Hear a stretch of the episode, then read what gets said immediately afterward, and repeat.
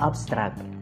Udang galah merupakan salah satu komoditas budidaya air tawar yang bernilai ekonomis tinggi. Udang galah memiliki beberapa keunggulan seperti pertumbuhannya yang cepat, ukuran tubuh yang besar, dan memiliki pasar potensial di wilayah Asia.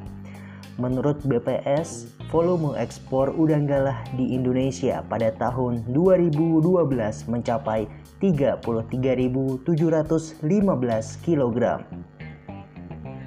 Pemenuhan akan kebutuhan udang galah yang sangat besar tersebut sayangnya terkendala oleh terbatasnya larva yang berkualitas untuk bisa dibudidayakan mencapai ukuran konsumsi.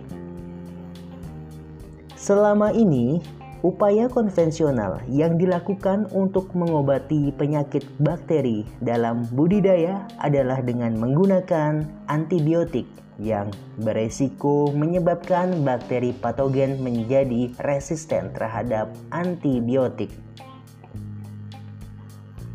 Salah satu solusi terkini yang potensial untuk mengatasi permasalahan penyakit bakteri pada larva udang galah yaitu dengan metode penghambatan quorum sensing dari bakteri patogen. Salah satunya menggunakan senyawa tiopenon. Tujuan dari penelitian ini yaitu untuk mengetahui pengaruh penambahan senyawa tiopenon terhadap kelulus hidupan dan pertumbuhan larva udang galah yang diuji tantang dengan bakteri Vibrio harvey.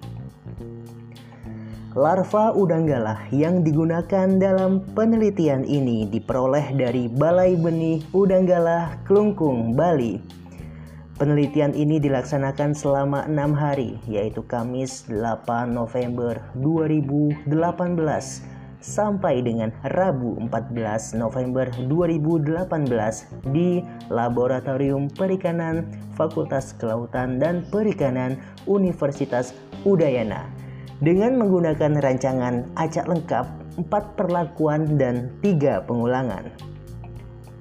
Hasil penelitian menunjukkan pengaruh penambahan senyawa tiopenon terhadap kelulus hidupan larva udang galah yang diuji tantang dengan bakteri Vibrio harvey adalah secara signifikan berbeda nyata.